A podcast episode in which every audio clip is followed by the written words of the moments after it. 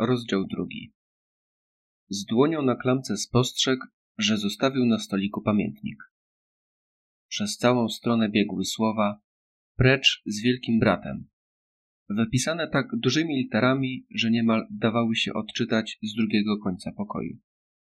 Pozostawienie zeszytu na wierzchu było szczytem głupoty, ale, jak zdał sobie sprawę, nawet ogarnięty strachem nie chciał go zamknąć przed wyschnięciem atramentu, żeby nie poplamić kremowego papieru. Wziął głęboki oddech i otworzył drzwi. Natychmiast zalała go fala ulgi. Na korytarzu stała bezbarwna, zahukana kobiecina o rzadkich włosach i poznaczonej bruzdami twarzy. A, jesteście, towarzyszu, zaczęła żałobnym, skomlącym głosem. Zdawało mi się, że słyszę, jak wracacie. Czy moglibyście wpaść do nas obejrzeć zlew? Zatkał się. Była to pani Parsons, sąsiadka z tego samego piętra. Partia nie pochwalała stosowania zwrotu pani, należało do każdego zwracać się per towarzyszu lub towarzyszko, ale w wypadku niektórych kobiet wyraz ten cisnął się na usta. Miała około trzydziestki, wyglądała jednak znacznie starzej. Odnosiło się wrażenie, że w jej zmarszczkach osiadł kurz. Winston ruszył za nią korytarzem. Konieczność dokonywania drobnych napraw stanowiła niemal codzienną bolączkę lokatorów. Blok Zwycięstwa był starym budynkiem, wzniesionym około 1930 roku i dosłownie się sypał.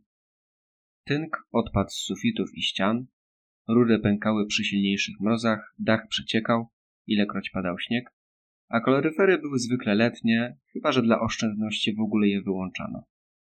Naprawy, jeśli nie zdołano ich wykonać w własnym zakresie, wymagały zatwierdzenia przez odległe komisje, które zwykłe wstawianie szyby potrafiły przeciągać dwa lata. To oczywiście dlatego, że Toma nie ma w domu, dodała pani Parsons. Mieszkanie Parsonsów, większe niż Winstona, także wyglądało obskurnie, lecz w nieco inny sposób. Wszystko było poobijane i poniszczone, jak gdyby przed chwilą przeszło tędy jakieś ogromne zwierzę, tratujące przeszkody na swojej drodze. Po podłodze walał się sprzęt domowy. Kije hokejowe, rękawice bokserskie, rozpruta piłka nożna i para przepoconych shortów wywróconych na lewą stronę, a na stole piętrzyły się brudne naczynia oraz postrzępione podręczniki szkolne. Na ścianach wisiały szkarłatne proporcje Ligi Młodych i Kapusiów oraz duży plakat Wielkiego Brata. Tutaj również unosił się w powietrzu zapach gotowanej kapusty, jednakże wymieszany z ostrzejszą wonią potu, który jak wiadomo, ale czuło się teraz po wejściu do środka, wydzielała osoba chwilowo nieobecna w mieszkaniu. W innym pokoju ktoś usiłował akompaniować na grzebieniu, przykrytym skrawkiem papieru toaletowego, orkiestrze wojskowej. Dźwięki marsza nadal płynęły z teleekranu. To dzieci, oznajmiła pani Parsons, rzucając wylęknione spojrzenie w stronę zamkniętych drzwi. Przez cały tydzień nie wychodziły z domu i oczywiście zwykła nie kończyć rozpoczętych zdań. Zlew kuchenny wypełniony był niemal po brzegu brudną, zielonkawą wodą, która obrzydliwie cuchnęła kapustą. Winston ukląkł, żeby obejrzeć kolanko syfonu. Nie cierpiał pracy fizycznej, nie lubił się schylać, bo prawie zawsze dostawał wtedy ataku kaszlu. Pani Parsons obserwowała go bezradnie. Oczywiście, gdyby Tom był w domu, naprawiłby to w mig. Uwielbia takie zajęcia. Tom to złota rączka, powiedziała. Parsons, tak samo jak Winston, pracował w Ministerstwie Prawdy.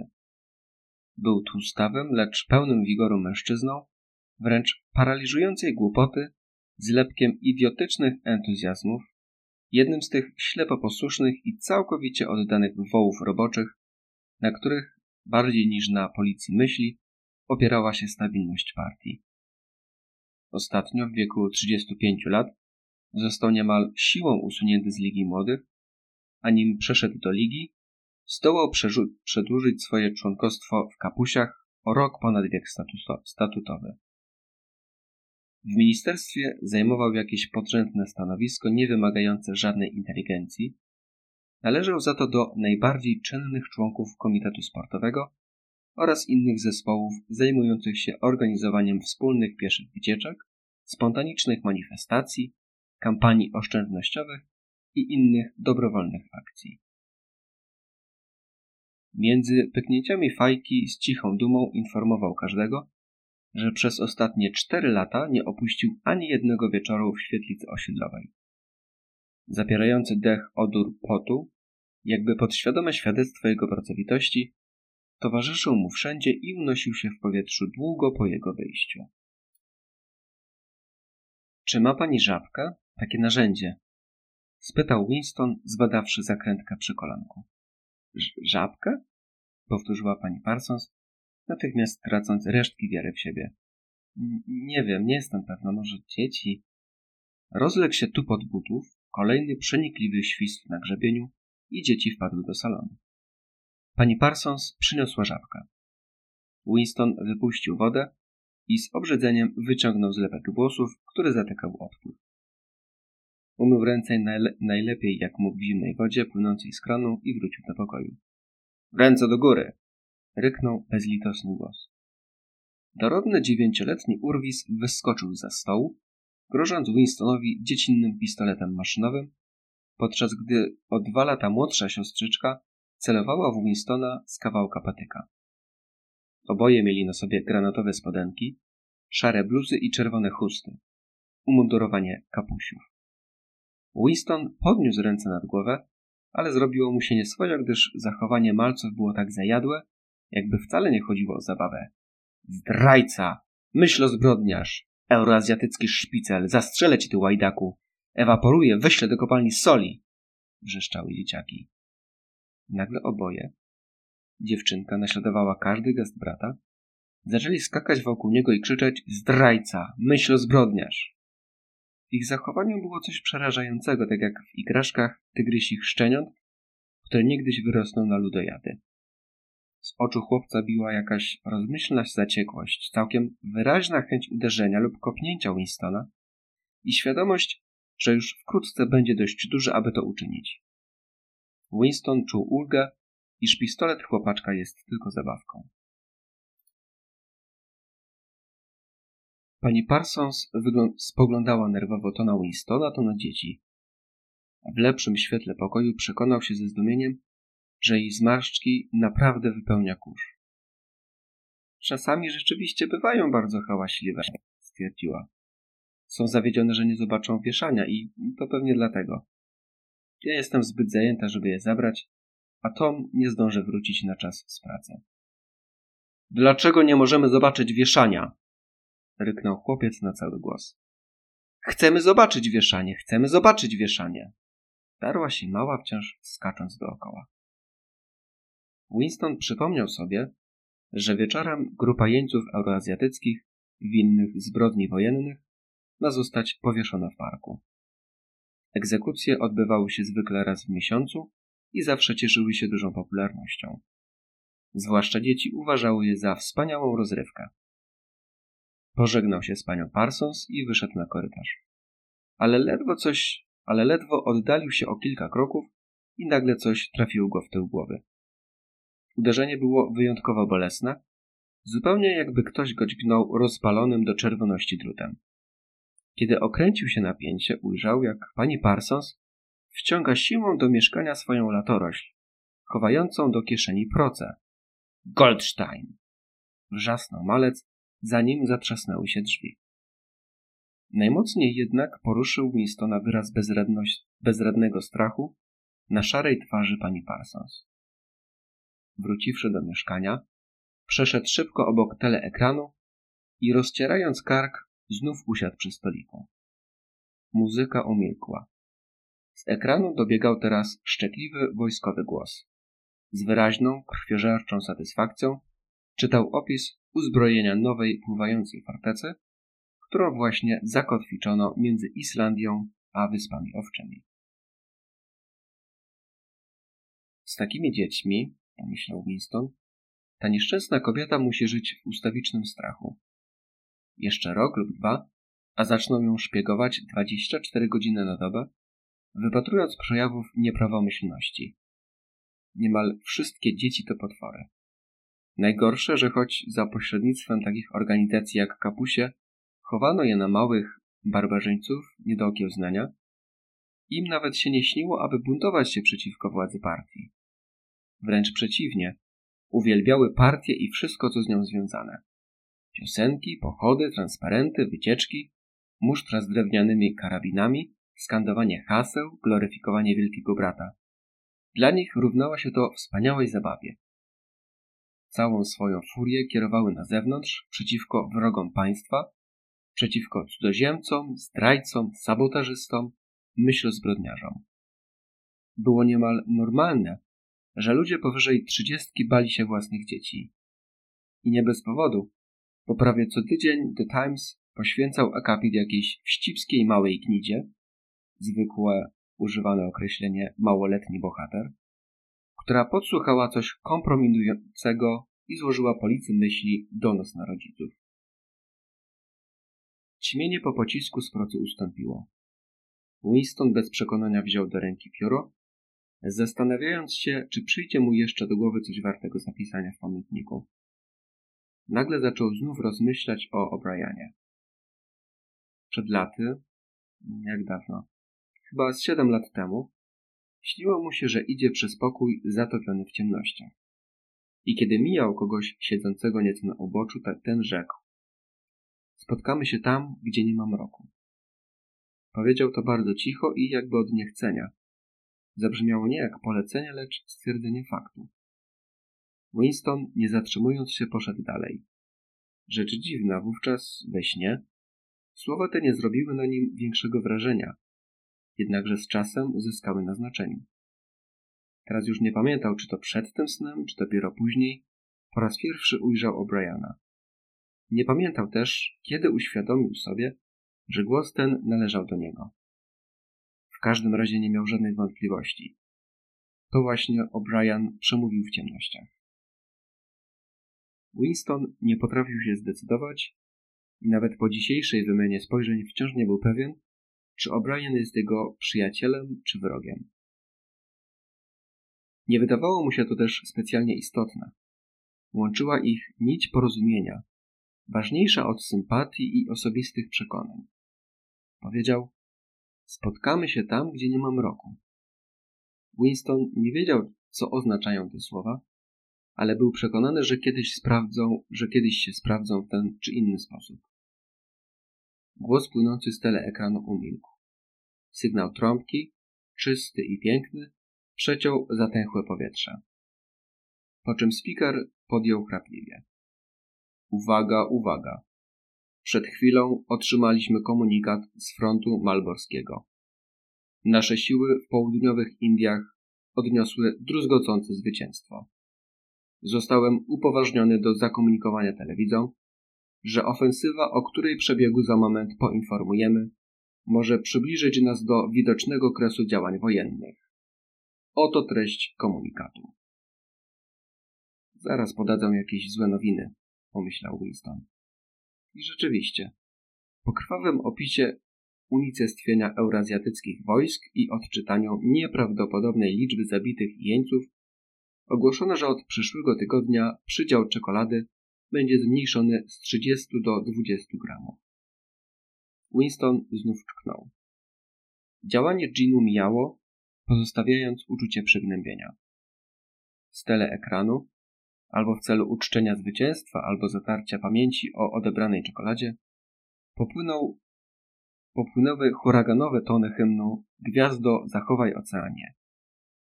Należało stanąć na baczność, ale w miejscu, gdzie siedział Winston, był niewidoczny. Gwiazdo, zachowaj oceanie ustąpiło miejsca lżejszej muzyce. Winston podszedł do okna, wciąż zwrócone plecami do teleekranu. Dzień nadal był zimny i przejrzysty. Gdzieś w oddali, z głuchym łoskotem, wybuchł pocisk rakietowy. Obecnie spadało na Londyn od 20 do 30 pocisków tygodniowo. W dole na ulicy wiatr szarpał naderwany plakat, na zmianę to zasłaniając, to odkrywając napis Angsok. Angsok. Nienaruszalne zasady Angsoku. Nowomowa, dwójmyślenie, zmienność przeszłości.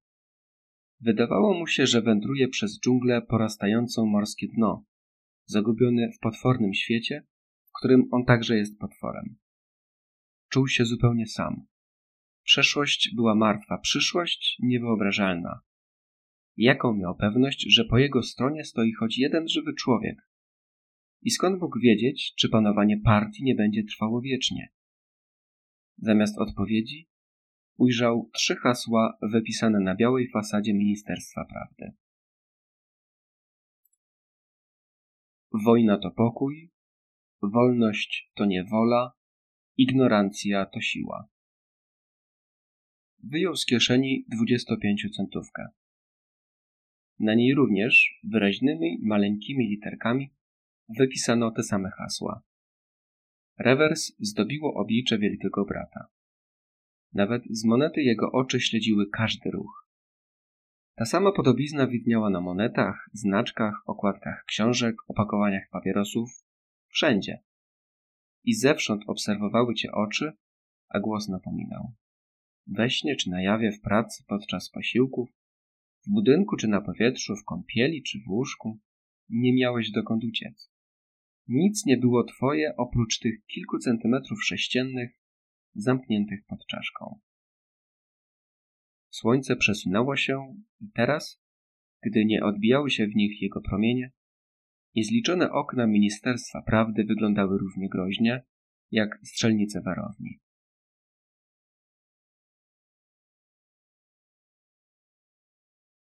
Na widok ogromnego gmaszyska w kształcie piramidy serce podeszło Winstonowi do gardła. Budowla była zbyt potężna, by można ją było zdobyć szturmem. Nawet tysiąc pocisków rakietowych nie zdołałoby jej struzgotać. Znów zaczął się zastanawiać, dla kogo pisze pamiętnik. Dla przyszłości, dla przeszłości, dla urojonej przez siebie epoki. Czekała go nie śmierć, lecz unicestwienie. Pamiętnik zostanie spopielony, a on sam ewaporowany. Tylko policja myśli przeczyta jego bazgroły, zanim wymarzę go ze świata żywych i z ludzkiej pamięci. Jak tu przemawiać do przyszłości, skoro nie przetrwa po tobie żaden ślad? Choćby jedno anonimowe słowo nagryzmolone na skrawku papieru. Teleekran wybił godzinę czternastą. Za dziesięć minut Winston powinien wyjść. O 14.30 musi być z powrotem w pracy. O dziwo, transmitowane bicie zegara dodało mu otuchy. Był samotnym duchem głoszącym prawdę, której nikt nigdy nie usłyszy. Dopóki jednak będzie ją głosił, w jakiś niejasny sposób ciągłość nie zostanie zerwana. To nie przez fakt, że ktoś cię słyszy, ale dlatego, że nie dajesz się ogłupić, trwa kulturowe dziedzictwo.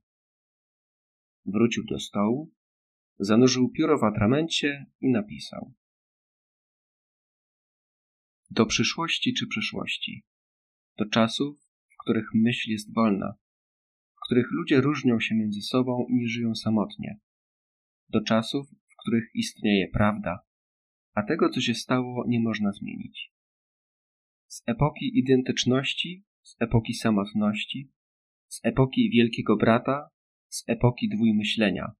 Pozdrawiam Was. Uzmysłowił sobie, że jest już właściwie trupem. Zrozumiał, iż dopiero teraz, kiedy odzyskał zdolność formułowania myśli, zrobił prawdziwy początek. Następstwa każdego czynu są z góry w nim zawarte. Napisał: Myśl zbrodnia nie pociąga za sobą kary śmierci. Myśl zbrodnia jest śmiercią.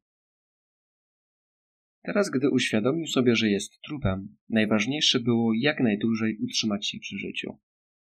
Dwa palce miał poplamione atramentem. Właśnie taki drobiazg mógł go zdradzić.